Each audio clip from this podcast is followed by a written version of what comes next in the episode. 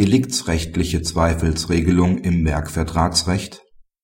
Liegt unzweifelhaft ein Werkmangel vor, dessen Ursachen lediglich in Umständen vor der Abnahme liegen könne, und ist nur unklar, welcher von mehreren möglichen Unternehmern diesen Mangel verursacht hat, so obliegt dem in Anspruch genommenen Auftragnehmer die Beweislast für die eigene Nichtverantwortlichkeit.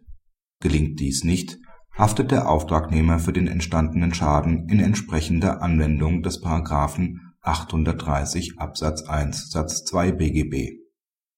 eine Entscheidung mit vorstehendem Inhalt des OLG Hamm vom 23.10.2008 konkretisiert das OLG München nunmehr dahingehend, dass dieser Grundsatz nicht auf Fälle übertragbar ist, in denen von vornherein nicht geklärt ist, ob überhaupt ein Mangel der Werkleistung vorliegt.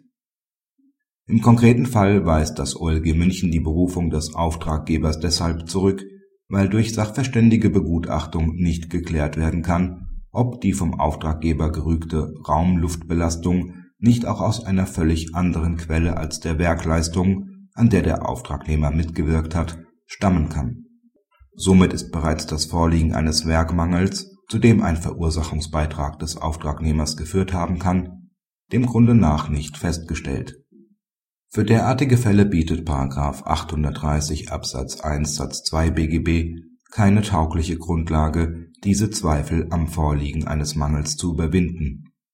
Lediglich in Konstellationen, in denen ein Mangel positiv feststeht, aber ungeklärt ist, welcher von mehreren potenziell Verantwortlichen diesen kausal verursacht hat, haftet im Zweifel jeder für sich in vollem Umfang.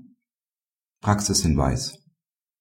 Wird gutachterlich das Vorliegen eines Mangels tatsächlich festgestellt bietet die Rechtsprechung der Oberlandesgerichte zur Anwendbarkeit der deliktsrechtlichen Zweifelsregelung bei Unklarheiten über individuelle Verursachungsbeiträge eine erhebliche Erleichterung, verbunden mit einer Beweislastumkehr zu Lasten des Auftragnehmers